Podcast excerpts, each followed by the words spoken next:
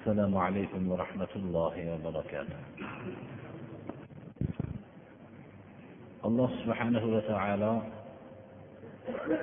rasululloh sollallohu alayhi vasallam va u kishiga ergashgan sahobalarni makkadagi mushriklarning ozorlaridan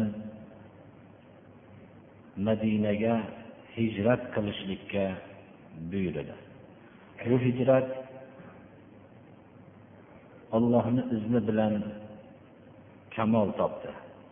Bu hijrat bashariyat tarixidagi ollohni muhabbatini davo qilganlarga namuna va amaliy bir isbot bo'lib qoldi. Hijrat agar alloh subhanahu va taolo o'zining muhabbatini bermasa bunday hijratning bo'lishligi mumkin emas ekanligi mana avvalgi darslarimizdan bizga ma'lum bo'ldi. Sahobalar alloh rasulining muhabbatini ixtiyor qilishib madina munavvaraga hijrat qilishdilar. Alloh subhana va taolo o'zining madadini ko'rsatdi. Bu biz o'rganayotgan suratul anfolda badr g'azotidagi alloh subhanahu va taoloning madadi sahobalarga bo'lgan maloikalarning tushishligi va ularga suvsiz sahroda alloh subhanahu va taolo o'zining madadi bilan madad berganligini zikrlari o'tishligi qatorida rasululloh sollallohu alayhi vasallamning o'zlariga xos bo'lgan ne'matni ham alloh taolo yod qiladi. Bu ne'mat hamma ashoblar hijrat qilganlaridan keyin ma'lum bir kishilar qolishganlaridan keyin makkadagi mushriklar payg'ambarimiz sollallohu alayhi vasallamning da'vat yo'lini to'sishlik haqida maslahat qilishganligi va bu maslahatlari payg'ambarimiz sollallohu alayhi vasallamni hijratdan to'sib qolsakmikin yoyinki qatl qilsakmikin yoyinki shu makkadan chiqarib tashlab qutulsakmikin degan maslahatlarni alloh subhanahu va taolo bildirdi. Ya'ni to'g'riroq tabir bilan aytsak makrlarini bildirdi. Bu makr qilishgan makriga alloh subhanahu va taolo shunday makr qildiki ular kechasi bilan muhammad alayhissalomni tong vaqtida tashqariga chiqishlari bilan qatl qilishlik uchun tayyorgarliklarini tutishga chiqardi alloh taolo mana bu ne'matni yod qilib وإذ يمكر بك وإذ يمكر بك الذين كفروا ليثبتوك أو يقتلوك أو يخرجوك ويمكرون ويمكر الله والله خير الماكرين yodingizga oling ey muhammad alayhissalom sizga kofirlarning makr qilganligi. Sizni hijratdan to'xtatishlik yoyinki qatl qilsaymikin yoyinki makkadan chiqarib qutulsaymikin deb qilgan makr soatlarni yodingizga oling. Imom ahmad ibn hambal o'zlarining musnatlarida abdulloh ibn abbos rivoyati ostida keltirilgan mana shu oyatning tafsirida abdulloh ibn abbos roziyallohu anhu aytadilarki تشاورت قريش ليلة بمكة فقال بعضهم إذا أصبح فأثبتوه بالوثاق فأثبتوه بالوثاق يريدون النبي صلى الله عليه وسلم وقال بعضهم اقتلوه وقال بعضهم أخرجوه فأطلع الله نبيه صلى الله عليه وسلم على ذلك فبات علي رضي الله عنه على فراش رسول الله صلى الله عليه وسلم وخرج النبي صلى الله عليه وسلم حتى لحق بالغار. وبات المشركون يحرسون عليا يحسبونه النبي صلى الله عليه وسلم. فلما أصبحوا ثاروا إليه فلما رأوه عليا رد الله تعالى عليهم مكرهم فقالوا أين صاحبك هذا قال لا أدري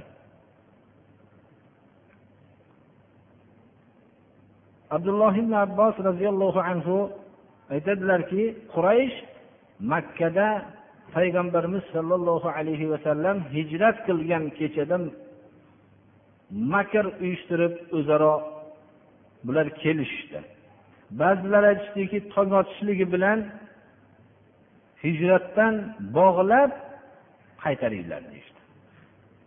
Ba'zilari qatl qilinglar deyishdi. Ba'zilari bo'lsa makkadan chiqarib qutulinglar deyishdi. Alloh subhanahu va taolo payg'ambari sollallohu alayhi vasallamni bu bularning kelishuvlaridan ogoh qildi. Ali ibn abi tolib roziyallohu anhuning o'zlarini o'rindiqlarida yotishlikka buyurdilar. Va alloh subhanahu va taolo mushriklarni ko'zini ko'r qildi. Rasululloh sollallohu alayhi vasallam shu mushriklarning oldidan chiqib ketdilar. Tong otgan vaqtda bular hammasi payg'ambarimiz sollallohu alayhi vasallamni qatl qilishlik uchun yopirilishib bordi. Qarashsalar ali ibn abi tolibni kechasi bilan qo'riqlab chiqishgan alloh subhanahu va taolo ularning makrini o'zlariga qaytardi. Ali ibn abi tolibdan qani sohibingiz? deyishdi. U kishi aytdilarki men bilmayman dedi. Payg'ambarimiz sollallohu alayhi vasallamning izlariga ergashib istashdida tog'ga yetib kelishgan vaqtlarida ular tog'ni tepasiga chiqishdi. Va payg'ambarimiz sollallohu alayhi vasallam uch kun turgan g'orni oldidan o'tishdi. Va g'orning og'zida alloh subhanahu va taoloning buyrug'i bilan o'rgimchakning to'qimasi bor edi. Olloh buyurdi o'rgimchakni shu g'orni og'ziga to'qima to'qishlikka. Ular bu to'qimani ko'rishdida agar bu g'orga kirgan bo'lganda mana bu to'qima bo'lmagan bo'lardi deyishdida alloh subhana va taolo ularni qaytardi. Mana bu ne'matni yod qilib yodingizga oling kofirlarni sizga makr qilganligini. Sizni hijratdan to'sish yoyinki qatl qilish yoyinki makkadan chiqarib tashlashlik haqida makr qilib kelishgan soatni yodingizga oling olloh ham ularga makr qildi olloh makr qiluvchilarning yaxshidir g'olibidir alloh subhanahu va taoloning makriga duchor bo'lganlar salomat qolmaydi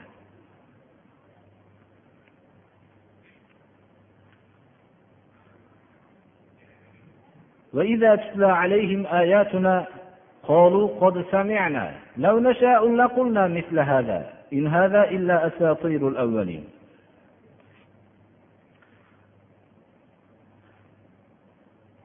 said ibn jubayr sudiy ibn jurayj va boshqalar rivoyat qilishadilarki mana bu so'zni aytgan nazr ibn haris deyishadilar bu malun fors viloyatlariga borib u yerda forslarning podshohlarini xabarlari hikoyalarini o'rganishib rustam va isfandiyor haqidagi hikoyalarni o'rganib rasululloh sollallohu alayhi vasallamni makkada payg'ambar bo'lgan holatda topdida payg'ambarimiz sollallohu alayhi vasallam odamlarga qur'on tilovat qilib berayotganligini ko'rib payg'ambarimiz sollallohu alayhi vasallam qur'on tilovat qilib ularni da'vat qilganlaridan keyin bu kishini o'rinlariga o'tirardida payg'ambarimiz sollallohu alayhi vasallam ketganlaridan keyin shu rustam va isfandiyor hikoyalarini aytib mana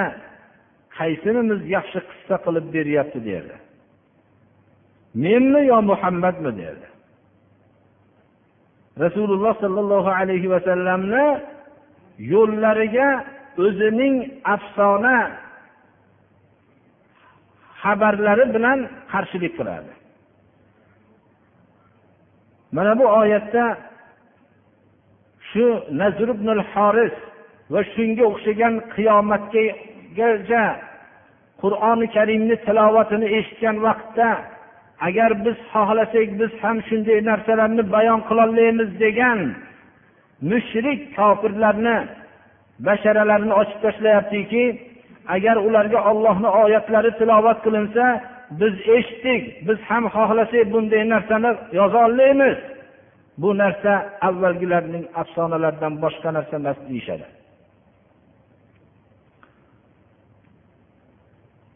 Payg'ambarimiz sollallohu alayhi vasallamning olib kelgan qur'oni karimni qiyomatgacha uzoq tarixdan tortib mana bunday da'vogirlar har soatda davo qilishyapti lekin eng fasohatu balog'at rivojlangan johiliyat davrida biror bir kichkina surani olib kelisholgani yo'q. Qur'oni karim bir necha joyda agar qur'onni olloh subhanahu va taolo tarafidan ekanligida shak shubhada bo'lsanglar qur'onning suralaridan bir kichkina bir suracha yoyinki bir o'n oyat yoinki o'zinglar xohlagancha bir miqdorni qani olib kelinglarchi deb rasululloh sollallohu alayhi vasallam bu ollohning e'lonini yigirma uch yil e'lon qilib turdilar. Fasohatu balog'at rivojlangan vaqtda biror bir kimsa tarixda rivoyat qilingan emaski mana bu qur'onga o'xshagan bir oyatni olib kelganligi. Ba'zi bir kishilar ham biror bir hunarmand odam bir yaxshi hunar qilgan bo'lsa odamlar shuni hunariga tan olishib turgan bo'lsa agar biz ham xohlasak bunga ajablanaverasizlar biz ham qilolmaymiz deyishadi. Bu qalbdagi bir hasadga dalolat qiladi. Oddiy bir hunarmandlar o'rtasidagi bo'lgan bu munozara insonning qalbida bir tuzalmas hasad maraziga dalolat qiladi.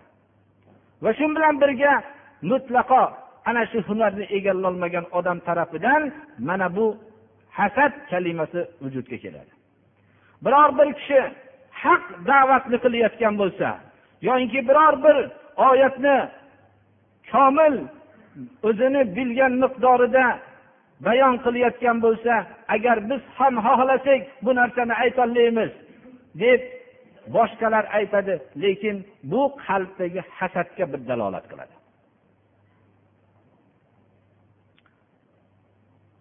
Rasululloh sollallohu alayhi vasallam biror bir daqiqa olloh saqlasin u kishi davo qilganlari yo'qki bu narsani men o'zim olib keldim deb alloh subhanahu va taolo tarafidan menga vahiy qilinyapti men sizlarga o'xshagan insonman deb yigirma uch yil makka madina va butun olamga mana shunday e'lon qilib turdilar.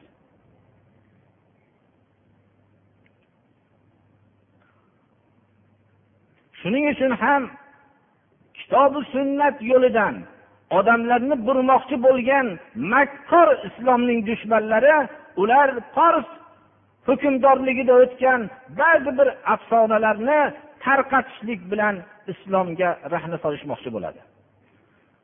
Hozirgi vaqtda ham islom bilan kurashayotgan kishilarning bir tekshirib ko'rilsa u ular bir qandaydir latifa va afsonalarning butun son sanog'ini ko'paytirishlik bilan islom bilan kurashishmoqchi bo'ladi. Shuning uchun ahli islom kishilari kitobi sunnatni mahkam ushlashliklari kerakki ular o'zlarini dushmanlari qilayotgan makrlardan xabardor bo'lmoqliklari kerak. Shuning uchun ahmad ibn hambal aytar ekanlarki masjidlardan qissaboz hikoyaboz kishilarni uzoqlashtiringlar der ekanlar. Masjid olloh rasulini so'zi minbar olloh rasulini so'zi bayon qilinadigan o'rindir. Bu yerda har xil bir qissalar aytilishligidan bizni ham man qilib turgan narsa shudir. Ba'zi bir umumiy xalqlar sodda kalimalar bilan ifodalangan har xil bir hikoyalarni tushunishlikka oson bo'lganligi uchun shunday bir sodda afsonaga o'xshagan narsalarni eshitishlikni xohlashadi. Kitobi sunnat hukmlarini eshitishlik ularga ba'zi vaqtlarda bir tushunishlikka qiyin bo'lganligidan shunday afsona aytib beruvchi kishilarni bu yerda afzal ko'rib mana bu so'zlar tushunarliroq deyishadi. Ahmad ibn hambal rahmatullohi alayhi aytgan ekanlarki hikoyaboz afsonaboz kishilarni hammasini masjiddan chetlatinglar degan ekanlar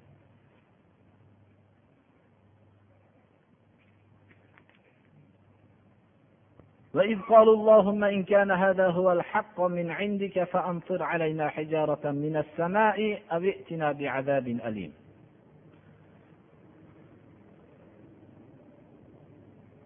alloh subhanahu va taolo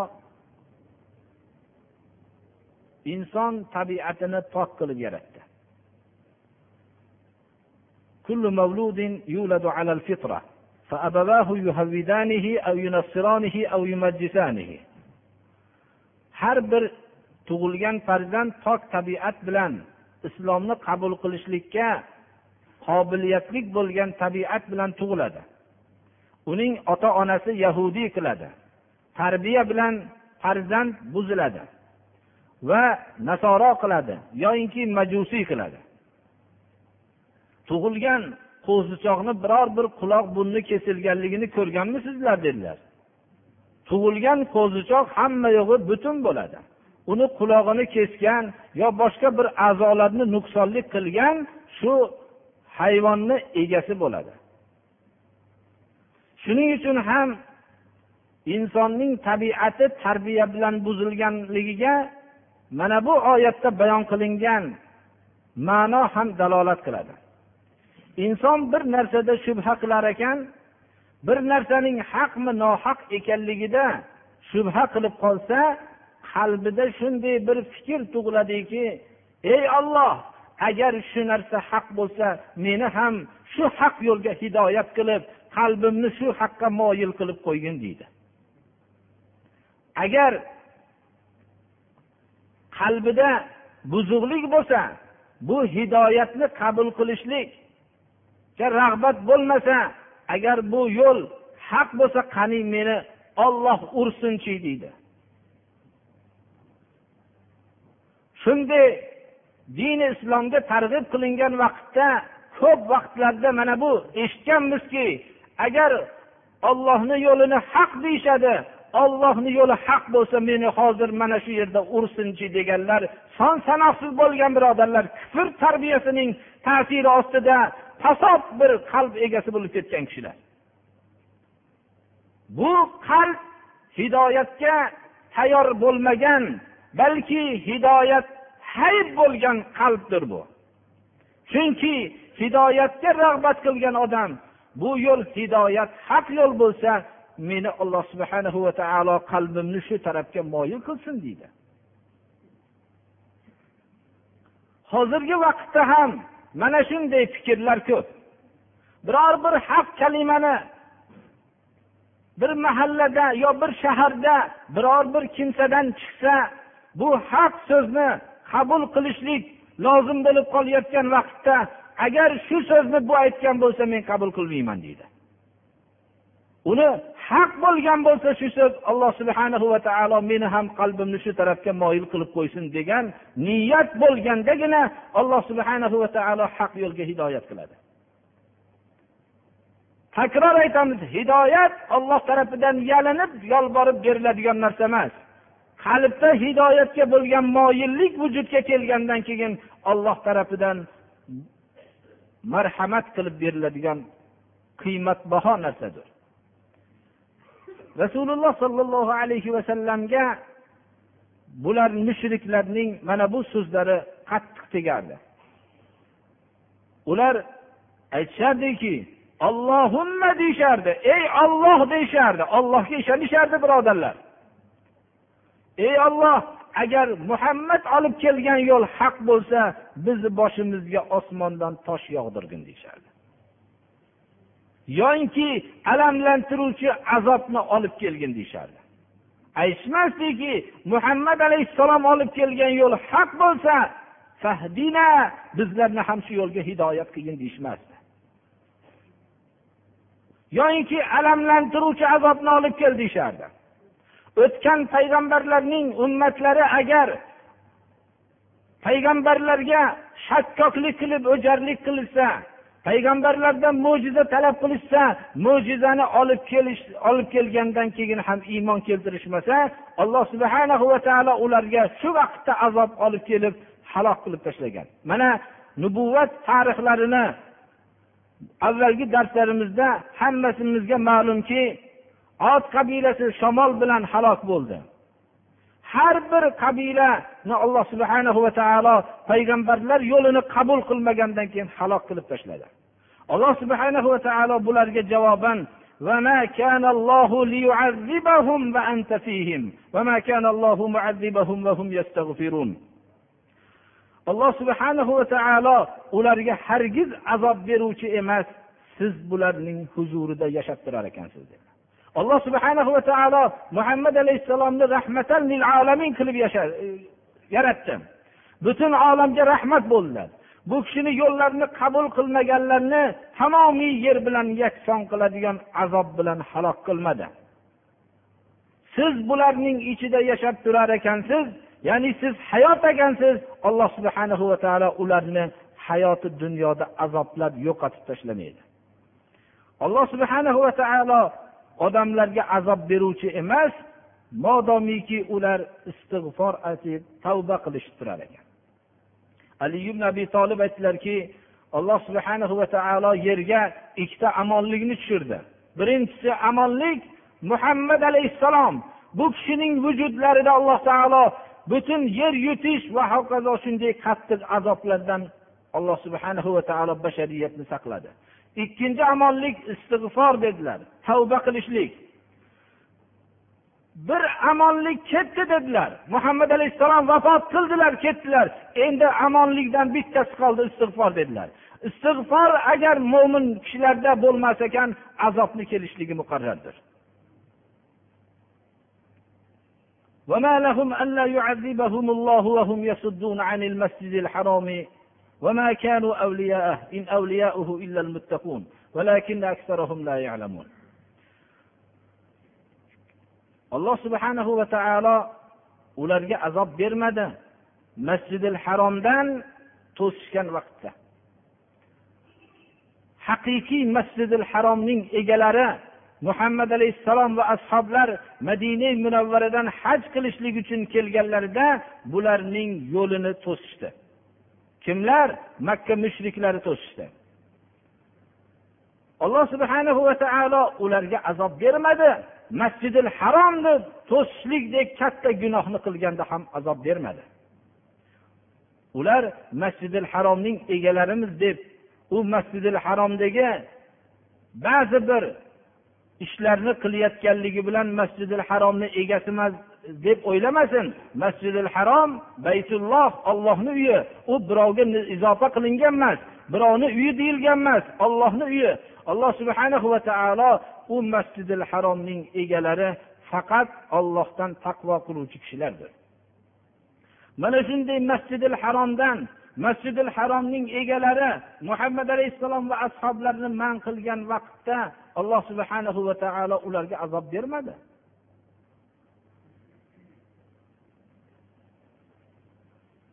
Lekin odamlarning ko'pi bilmaydi. Ular o'zlarining masjidil harom oldidagi qilayotgan ba'zi bir rasmiy bir ibodatlari bilan o'qiyotgan namozlari bilan bular faxrlanishib masjidil haromning egalarimiz deb davo qilishmasin.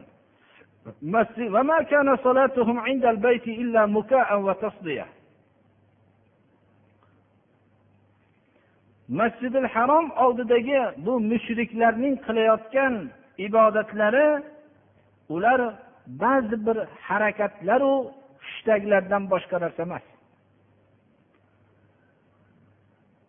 abdulloh ibn umar roziyallohu anhudan rivoyat qilinadiki أنه قال إنهم كانوا يضعون خدودهم على الأرض ويصفقون ويصفرون ular ibodatlarida yuzlarini yerga qo'yishib qarsak urishib va hushtak chalishardi ibodatlari shu edi deydilar.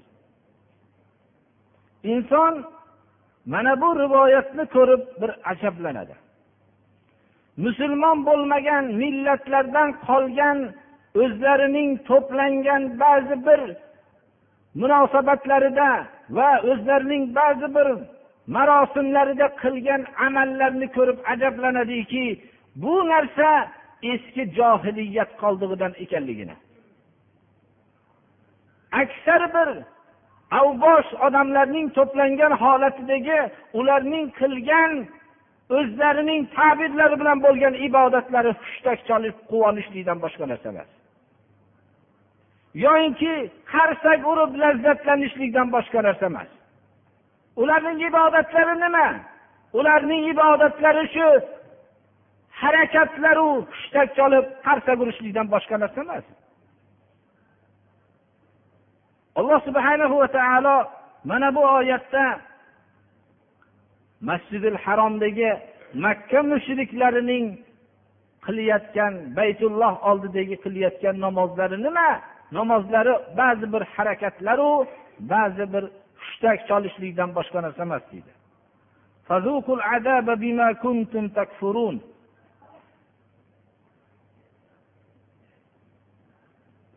kofir bo'lganliginglar sababli azobni tatinglar mana bu azob mufassirlarning tafsiriga qaraganda badr kunida bo'lgan azobdir mana kofir bo'lganliginglar sababli azobni tatinglar dedi alloh taolo badr kunida kofirlarga o'zining azobini berdi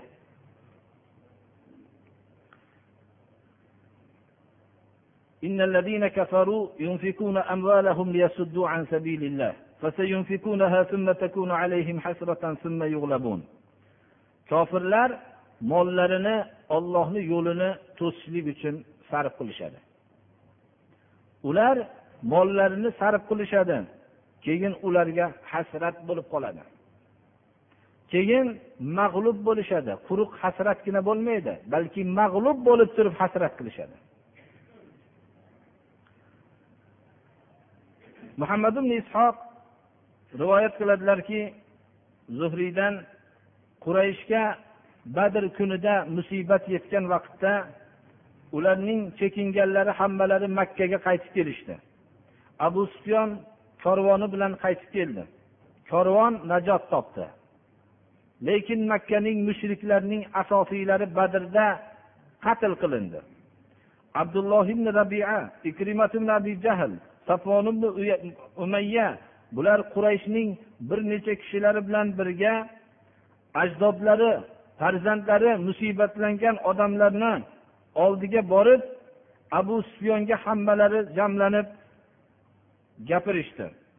Va shu korvonda o'zlarining moli davlatlari ya'ni korvonga jo'natilingan ulushlari bo'lgan kishilar hammalari borib quraysh jamoasiga xitob qilishdiki muhammad sizlarni eng yaxshi odaminglarni qatl qildi.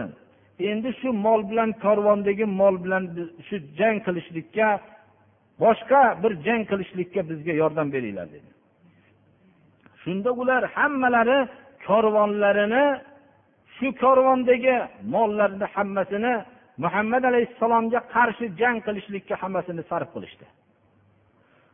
Birodarlar kofirlar o'zlarining botil kufriga shunchalik mollarni sarf qiladi. Shuning uchun ham alloh subhana va taolo jihod e'lon qilganda jonlari va mollari bilan jang qilishlikka olloh buyurdi. Nima uchun? Uning muqobalasida kufr moli bilan chiqadi. Kofirlar mollarini ollohni yo'lini to'sishlik uchun sarf qilishadi. Keyin bu ularga hasrat bo'ladi.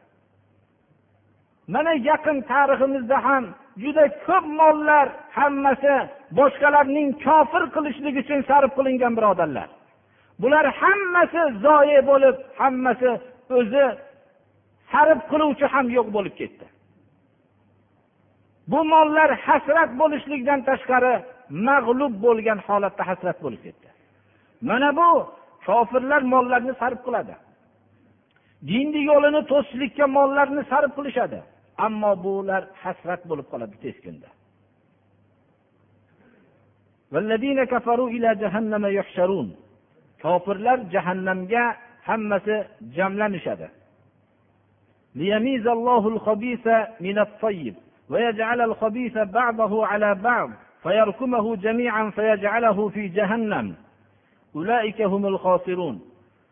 alloh subhanahu va taolo yo'lidagi jihodlar insonlarni ajratadi. Inson birinchi la ilaha illalloh muhammadu rasululloh kalimasini aytishlik bilan ikkiga bo'linadi. Bu kalimadan keyin insonlar namoz o'qishlik bilan ham ajraladi. Haqiqiy musulmonligi ajralib boradi. Undan keyin namoz o'qishlik badan haqqi bo'lganda ko'p odamlar bu narsada namoz o'qishadi. Ammo molini zakotini berishlik haqida mo'minlar yana bir saflari tozalanadi. Zakotni ham hamma beravermaydi hamma namoz o'qigan kishilar bera olmaydi. Chunki zakot inson o'zining qalbidagi molga bo'lgan baxillikdan pok bo'lishlikdir bu saflar tozalanib borgandan keyin ramazoni sharifda inson jasadiga ozgina bir mashaqqatni ixtiyor qilingan bu amalda hamma odam ramazoni sharifda ro'za tutolmaydi. Bunda ham saflar tozalanadi. Ammo olloh yo'lidagi jihod vaqtida endi saflar poklar kim nopoklar kim ekanligi ajraladi. Alloh subhana va taolo bunda insonning joni ham ketishligi molini ham sarf qilishlik soati kelganda haqiqiy mo'minlar safi tozalanadi. Alloh subhanahu va taolo mana bu oyatda nopokni pokdan ajratib judo qilishlik uchun alloh taolo bu buyruqlarni beradi.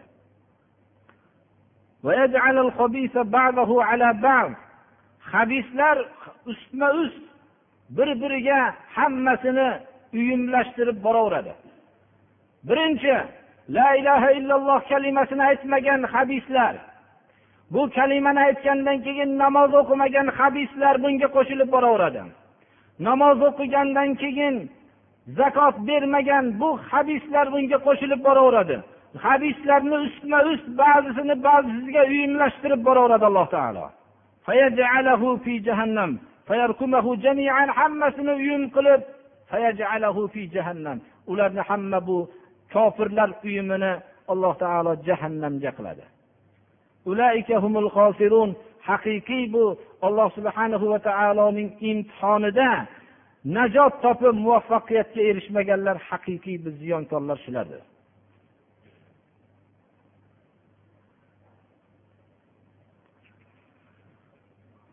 قل للذين كفروا إن ينتهوا يغفر لهم ما قد سلف وإن يعودوا فقد مضت سنة الأولين وقاتلهم حتى لا تكون فتنة ويكون الدين كله لله فإن انتهوا فإن الله بما يعملون بصير وإن تولوا فاعلموا أن الله مولاكم نعم المولى ونعم النصير alloh subhanahu va taolo rasululloh sollallohu alayhi vasallamga kofirlarga ayting agar o'zlarining kufrlaridan tiyilishsa ularning o'tgan gunohlari kechiriladi. Hech qaysi bir yo'lda birodarlar islom kechirgandaqa kechirmaydi. Alloh subhanahu va taolo ollohni yo'liga qarshi chiqqan rasuliga qarshi chiqqan bu kofirlarga ayting deb o'zi e'lon qildirishlikka rasulini buyuryapti. Agar tiyilishsa o'tgan gunohlari kechiriladi. Agar bir kishi bu hayot qonunlarini oldida biror bir xatoni qilib qo'ysa shu sababli bir mahbus bo'lib qolsa bu mahbus bo'lingan vaqtda ular mahbuslikni axloqlantirishlik deb davo qilishadi. Lekin shu mahbus bo'lgan odam qaytib oq odam hisoblanmaydi birodarlar.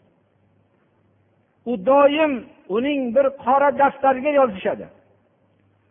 Vaholanki bu jazosini tortib chiqqandan keyin ham poklovchi deb e'tibor qilishmaydi. Rasululloh sollallohu alayhi vasallamning davrlarida bir kishi bilan bir ayol zino ish qildi. Islomdagi zino eng qattiq gunohlardan hisoblanadi. Turmush qilgan holatda zino qilgan odamni toshbo'ron qilib o'ldiriladi. Ikkovlari o'zi tan olib keldi va bu azobning dunyoda ko'rib oxiratda bunga jazoga ro'baru bo'lmaslikni ollohni huzurida sharmanda bo'lmaslikni shu dunyoni o'zida nima sharmandalik bo'lsa ijro qilinishligini rasululloh sollallohu alayhi vasallamdan talab qilishdi. Payg'ambarimiz sollallohu alayhi vasallam bularni hadis sharifga binoan bularni ko'p qaytarsalar ham yo'q bu ishni biz qildik shu narsani jazosini hozir ko'rishni xohlayman dedi. Payg'ambarimiz sollallohu alayhi vasallam ollohni hududini ijro qildilar. Toshbo'ron qilindi. Shunda islomning sarkardasi islomning lashkarining qo'mondoni holid ibn valid ham bor edilar. Ollohni buyrug'ini biror kishi qalbida mehr rahmi kelmagan holatda hududni ijro qilishlikda har qanday odam ham ollohni muhabbatini davo qilgan odam shu vaqtda tosh otishligi kerak. Holid ibn valid shu soatda bordilarda u kishi ham tosh otdilar shunda qon chachrab holid ibn validga qon chachradi. Shunda og'izlaridan bir so'z shuni sha'nini pastlatadigan bir so'zni aytdilar. Shunda rasululloh sollallohu alayhi vasallam aytdilarki mahlan ya holid dedilar tilingni tiy holid dedilar. Agar shunday tavba qildiki mashriq bilan mag'ribga taqsim qilinsa yetadigan tavba qildi dedilar. Islom hududlarini boshqa qonunlar masxara qilishadi. Bu vahshiyona qattiq buyruqlar qattiq jazolar deyishadi. Alloh subhanahu va taoloning hududi shunday. Poklovchiki islomdagi eng katta gunohlardan bo'lgan zino qilgan amalning jazosini olayotgan odamning pokizaligi shu darajadaki islom lashkarining qo'mondoni shu odam haqida pastlatuvchi so'z aytishlikka haqqi yo'q bo'lib qoladi. Mana bu bizni islomning jazolarining qanchalik insonni poklovchi ekanligiga dalolat qiladi. Islomdagi eng yomon gunohlardan hisoblangan gunoh bu. Va bu tosh otib uning sha'nini pastlatayotgan kishi islom lashkarining yer kurrasidagi harbiy qo'mondoni. Bu kishini eng boshliq sarkarda mana bu kishi tarafidan haq bo'lmayapti shunday katta gunoh bilan jazolanayotgan kishini haqida pastlatuvchi so'z aytishlikka.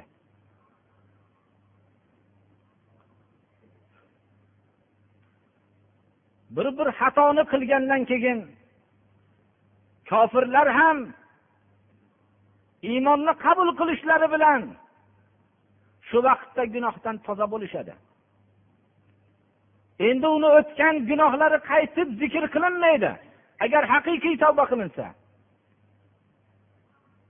Islom keltirishlikdagi odob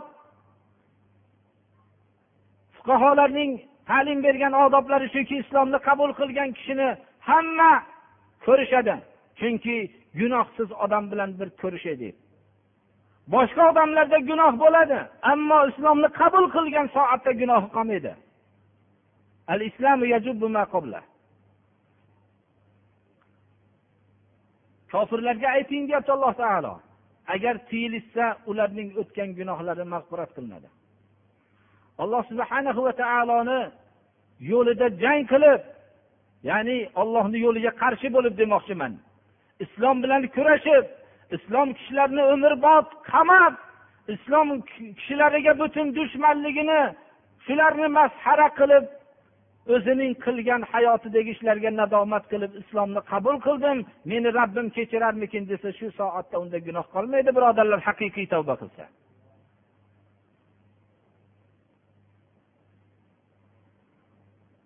Rasululloh sollallohu alayhi vasallam vahshiyday kishini kechirdilar. Shahidlar sayyidi hamzatubn abdul muttolibni vahshiyona o'ldirgan vahshiyni kechirdilar islomni qabul qilgandan keyin. Rasululloh sollallohu alayhi vasallam oldilarida butun islom bilan kurashgan odamlar islomni qabul qilib kelishdilar hammalarini kechirdilar. Ollohning ta'limi asosida.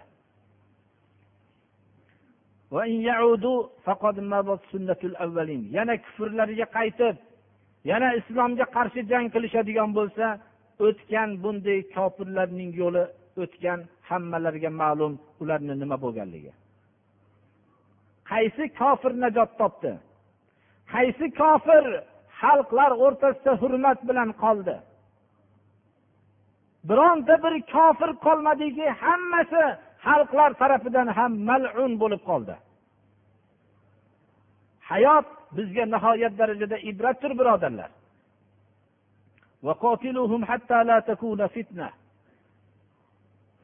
Kofirlar bilan jang qilinglar hatto biror fitna qolmaguncha. Fitna dindan aldash dindan chiqarishlik shunday harakatlar qolmaguncha ollohni yo'lida jang qilinglar deyapti alloh taolo. Va dinning hammasi ollohning o'ziga xos bo'lishligi. Din ollohnikidir bu dinni rasululloh sollallohu alayhi vasallam olloh tarafidan ollohni vahiysini olib keldilar. Biror narsa bu dinga o'zlari tarafidan qo'shganlari yo'q. U kishining hamma so'zlari hamma amallari vahiydir.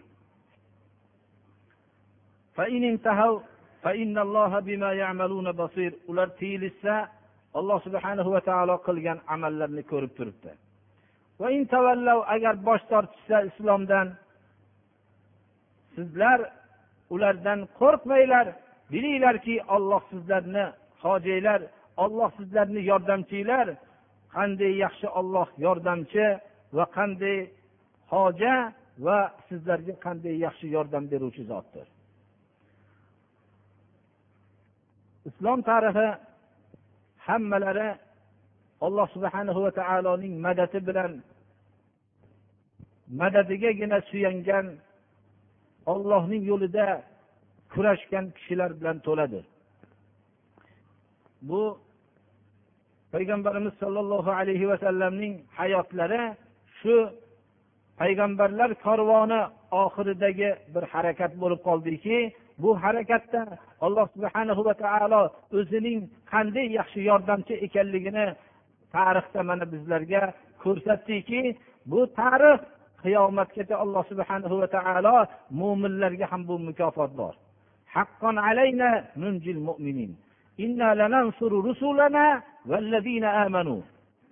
Biz payg'ambarlarimizga yordam beramiz bunda shak shubha yo'q iymon keltirgan kishilarga ham yordam beramiz. Demak ollohning nusrati qiyomatgacha mo'minlarga lekin bu nusrat iymon sifatini o'zlarida mujassamlashtirgan ya'ni komil suratda mujassamlashtirgan mo'minlarga xosdir. Allohga hamdlar bo'lsinki bugungi kunda qur'oni karimdan o'n bir porani tafsir qilib qo'limizdan kelganicha bir bayon qilishlikka alloh taolo qodir qildi. Ya'ni uchdan biridan ko'ra ko'proq muddatni dars qilib qisman o'tishlikka alloh taolo o'zi muvaffaq qildi. Inshaalloh alloh subhanahu va taolo o'zi madad bersa allohni izni bilan mana bu tafsirni tamomlashlikka va bir necha bor qur'oni karimni o'rganishlikka mana shu madrasa masjidimizda alloh taolo hamma musulmonlarni ham muvaffaq qilsin. Imom buxoriy va imom muslim bir hadisni keltirilibdiki peshindan avval to'rt rakat namozni hargiz tark qilmas edilar. Shu to'rt rakat namozni qanday o'qiymiz? Shuni aytib bersangiz dedilar. Shuni bilaylikki mana bu namozi peshin nechi rakat deganda bizni xalqimiz o'rganib qolganki o'n rakat deb bunday tushunishlik noto'g'ri birodarlar. Peshin namozi necha rakat desa to'rt rakat deyiladi ya'ni alloh subhana va taolo bizlarni buyurdiki to'rt rakat shu kun burilgandan keyin tikka ya'ni qiyomdan burilgandan keyin to'rt rakat namoz o'qishlikka buyurdi juma kunidan boshqa kunda.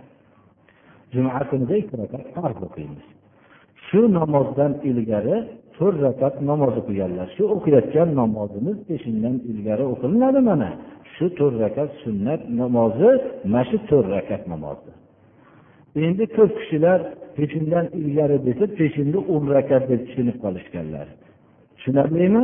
Shuning uchun peshin nechi rakat desa to'rt rakat farz deymiz va undan ilgari rasululloh sollallohu alayhi vasallam to'rt rakat namoz o'qiganlar va shu o'qiganlari uchun biz ham o'qib sunnatni ihyo qilamiz.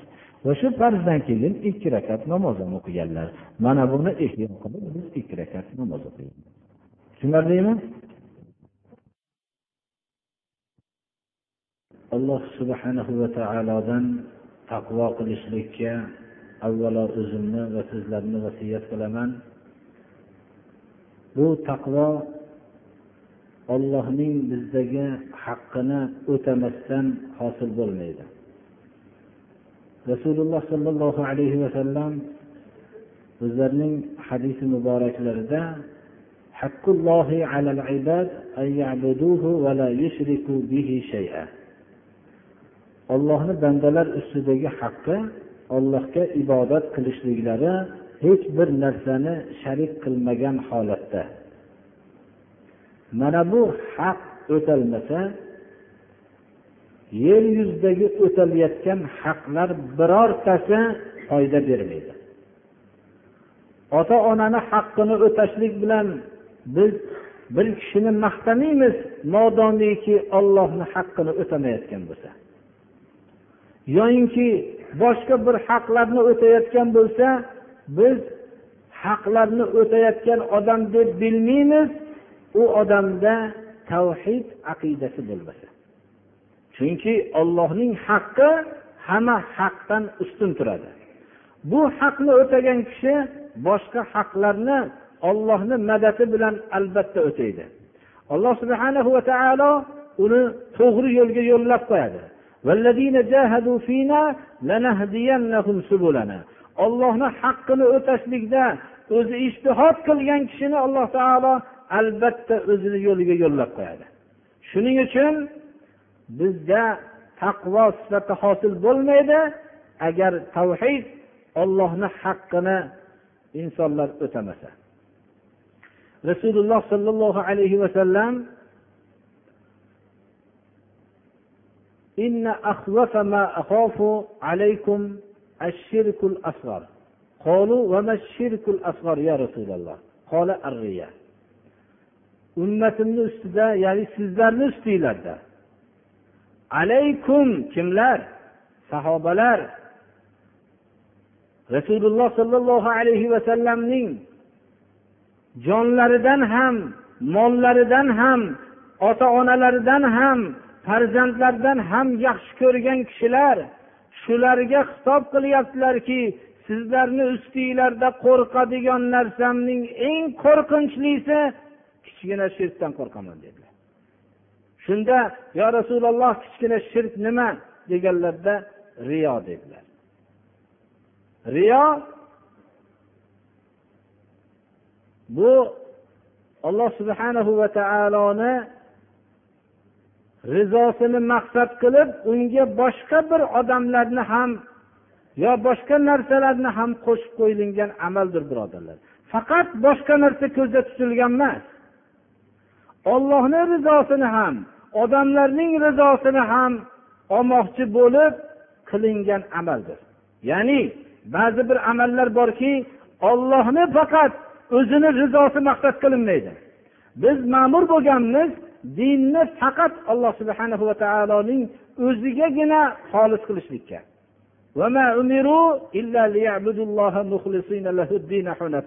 Biz faqat ibodat qilishlikka ma'mur bo'lgan emasmiz balki shu ibodatni faqat ollohni o'zigagina xolis qilishlikka ma'mur bo'lganmiz. Shuning uchun alloh subhana va taoloning buyruqlarini qilishlikda boshqa narsa ollohning rizosiga qo'shilib qoladigan bo'lsa bu riyo bo'ladi birodarlar rasululloh sollallohu alayhi vasallam ashoblar ustida qo'rqqan narsa bizlar ustida qo'rqilinishlikka loyiqdir. Chunki biz ularda emasmiz. Biz ularning amallarida emas bizlarni amallarimiz. Payg'ambarimiz sollallohu alayhi vasallam ashoblar ustida shu narsadan eng qo'rqqan bo'lsalar biz nihoyatda ehtiyot bo'lmoqligimiz kerak. Payg'ambarimiz sollallohu alayhi vasallam aytdilarki kim agar birovlar eshitsin meni amalimni deb maqsad qilsa olloh uni amalini eshittiradi boshqalarga kim boshqalar bir ko'rsin deb maqsad qilsa alloh subhana va taolo uning maqsadini berib unga shu riyoni muyassar qiladi. Ammo ollohni huzurida hech qanday unga savob yo'q. Hattoki ollohni rizosi talab qilinadigan ilmni agar dunyo matosidan bir matoga erishishlik uchun talab qilgan bo'lsa rasululloh sollallohu alayhi vasallam qattiq bir vaid aytdilar abu dovud sunanlarda keltirilgan mana bu hadis sharif bunga dalolat qiladi من تعلم علما مما يبتغى به وجه الله عز وجل لا يتعلمه إلا ليصيب به عرضا من الدنيا لم يجد عرف الجنة يوم القيامة ollohni rizosi talab qilinadigan ilmni talab qilsa ya'ni shariat ilmi. Birodarlar botil ilmni o'qiyotgani yo'q. Yoyinki bir falsafa islomda yo'q bo'lgan ilmlarni o'qiyotgani yo'q. Yoyinki bir shariatga zid bo'lgan ilmlarni o'qiyotgani yo'q. Ollohni rizosi talab qilinadigan shariat ilmini o'rganyapti. Lekin shu bilan dunyo matosiga erishishligi maqsadida o'rganyapti. Mana bu odamni rasululloh sollallohu alayhi vasallam qiyomat kuni jannatni hidini ham tatimaydi dedilar demak biz ollohni rizosi talab qilinadigan ilmni faqat riyo sumadan chetda bo'lib o'rganmas ekanmiz. Bu narsa bizni hech qachon yaxshilikka olib bormaydi. Rasululloh sollallohu alayhi vasallam o'zlarining hadisi muboraklarida imom buxoriy rivoyat qilgan hadis sharifda qiyomat kuni jazolanadigan eng biz bilan siz oliy inson deb e'tibor qilgan uch kishini xabarini aytdilarki qur'onni yod qilgan qur'onni bilgan. Mana bu odamni olib kelinadi. Alloh subhana va taolo unga ne'matini tanitadi. U taniydi. Ya'ni men senga qur'onni berdim deydi alloh taolo. Bu ne'matni tan oladi. Va shu ne'matni tan olib nima amal qilding?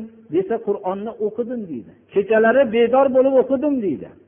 Va bunga qur'onni ko'p o'qiganligini bayon qilgan vaqtda kazabda sen odamlar qori deb odamlarni oldida shuhrat topishlik uchun o'qiding. Seni odamlar qori deyishdi shuhrat topding sen shu mukofotni olding. Men senga zulm qilganim yo'q deb jahannamga uloqtiriladi.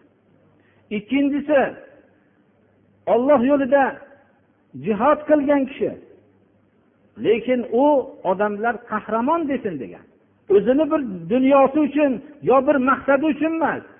Olloh yo'lida jihod qilganu lekin qahramon desin deb maqsad qilganligi uchun alloh subhana va taolo o'zining ne'matini unga ham tanittiradi bu taniydi va bu qahramon pahlavon desin deb sen jang qilgan eding odamlar seni xo'p maqtashdi sen mukofotini olding deydi. Jahannamga uloqtiriladi. Va sahiy bo'lgan odamni bid'at yo'llariga sarf qilgan emas behuda yo'llarga sarf qilgan emas mast qiluvchi ichimliklarga sarf qilgan emas yoyinki gunoh qimor bu yo'llarga sarf qilgan emas. Shariat buyurgan joylarga sarf qilganu lekin odamlar sahiy desin degan niyat bilan sarf qilgan. Mana bu odamni ikkinchi xotam deb desin deb xotamtoy desin deb sarf qilgan. Mana bu odamni alloh subhana va taolo olib keladi va bunga ne'matini tanittiradi. Taniydi menga bergan ne'matlarni hammasini u tan oladi. Ya'ni alloh subhana va taolo menga shu ne'matlarni berdi deydi. Mana bu odamni ham jahannamga uloqtiriladi. Chunki sen sahiydasin degansan odamlar seni xo'p maqtash deydi. Birodarlar bu narsadan bizga xulosa chiqadiki ollohni rizosini maqsad qilibgina amal qilinmoqligi kerak. Agar amalda riyo aralashar ekan bu shirkil asg'ar rasululloh sollallohu alayhi vasallam ashobi ikromlardek ulug' zotlar ustida qo'rqqan tashvishlari shu bo'lgan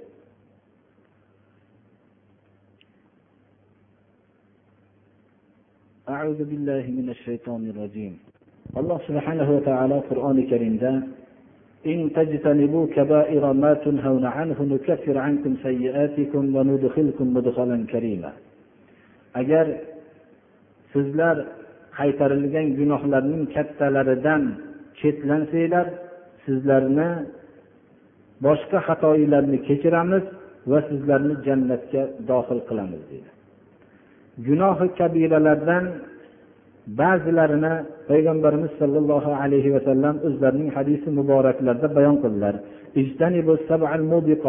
قالوا وما هن يا رسول الله قال الشرك بالله والسحر وقتل النفس التي حرم الله إلا بالحق وأكل الربا وأكل مال اليتيم والتولي يوم الزحف وقذف المحسنات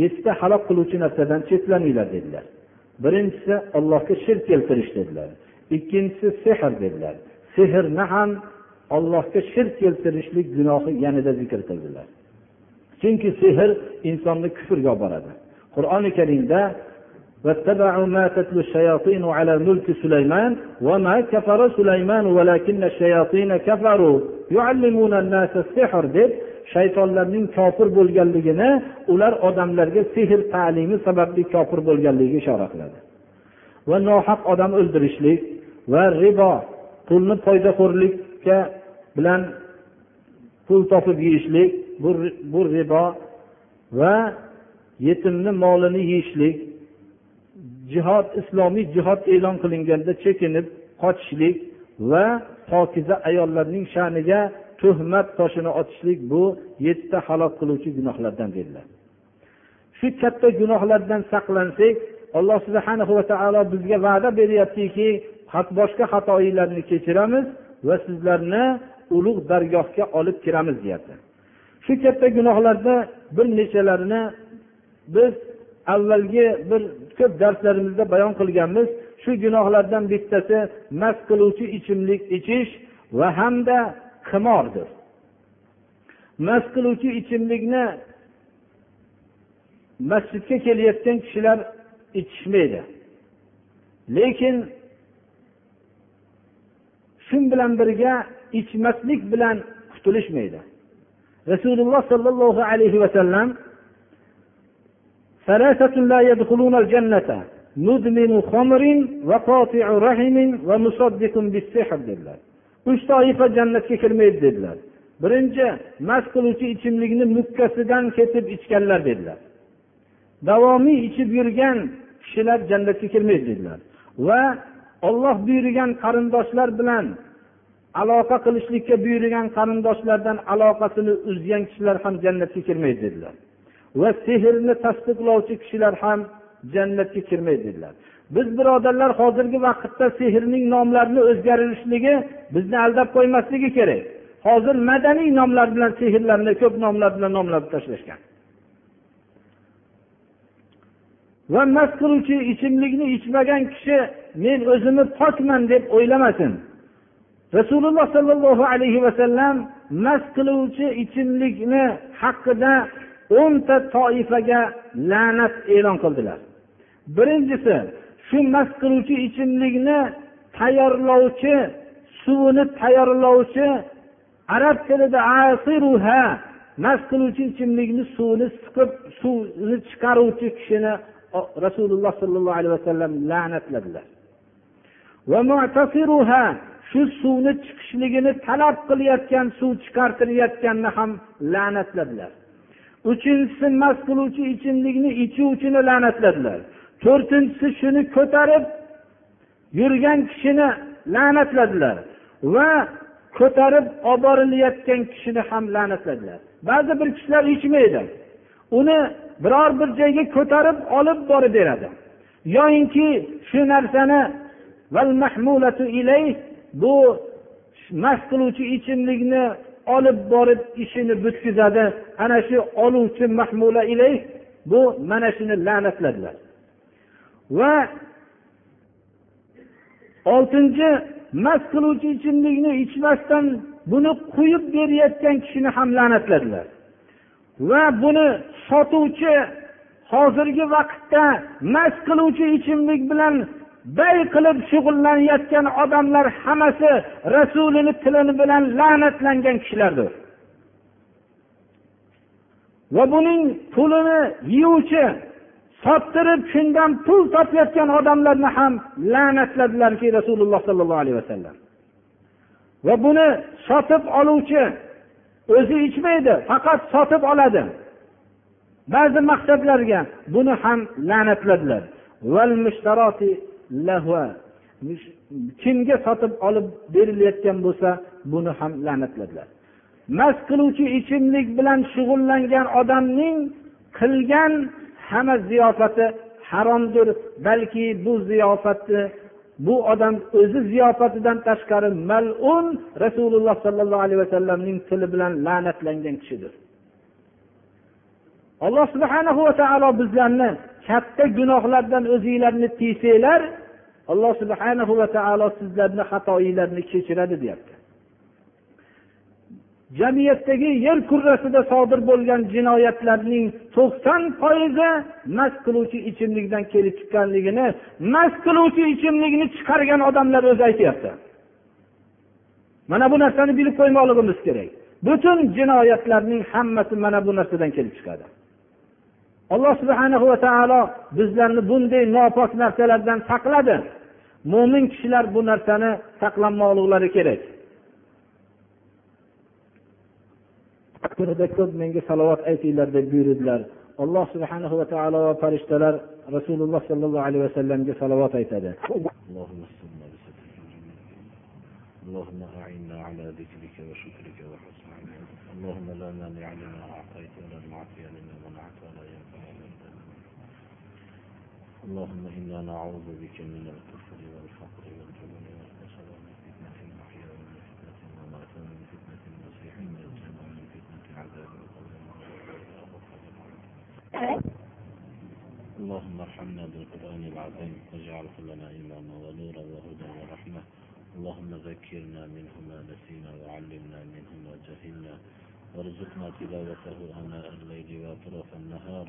واجعله لنا ولا علينا حجة يا رب العالمين ichimlik haqida gapirgan bo'ldik xutbada shuni bilaylikki mast qiluvchi ichimlikni bilan to'y qilgan odam la'natni birinchisida turadi chunki u sotib olgan odam shu mast qiluvchi ichimlikni sotib shuni ichishlikka bitta ma'nosi uni ko'tarib yuruvchi emas shuni ichishga sabab bo'luvchi degani ham shunga majbur qilib. Shuning uchun mast qiluvchi ichimlik bilan to'y qilgan odam rasululloh sollallohu alayhi vasallamning la'natiga bu loyiq bo'lgan odam. Shuning uchun qattiq tavba qilib bu narsadan qaytmoqlik kerak birodarlar mana bu g'ino mana shunday unga qo'shib g'inolar bilan shuni to'ylarni qilishlik shu mast qiluvchi ichimlikni ichishlikni kuchaytirishlikdan boshqa narsa emas. Mana bunday narsalarda harakat qilib shu narsalarni odamlarni shu qalbini mast qilishlikka buni ishlatib jismini mast qilishlikka uni ishlatishlik bu narsa islomga bir begona narsadir birodarlar islomda yo'q. Ota bobomiz qilib kelgan ishlarni yo'qotyapti degan odamlar ana shu bir so'rasinchi ota bobolari shunaqa qilib to'y qilishgan ekan. Mana bu narsani yo'qotishib lekin buni boshqa gapga o'tishsin alloh subhanahu va taolo shunday la'natdan o'zi o'zi alloh taolo o'zi saqlasin.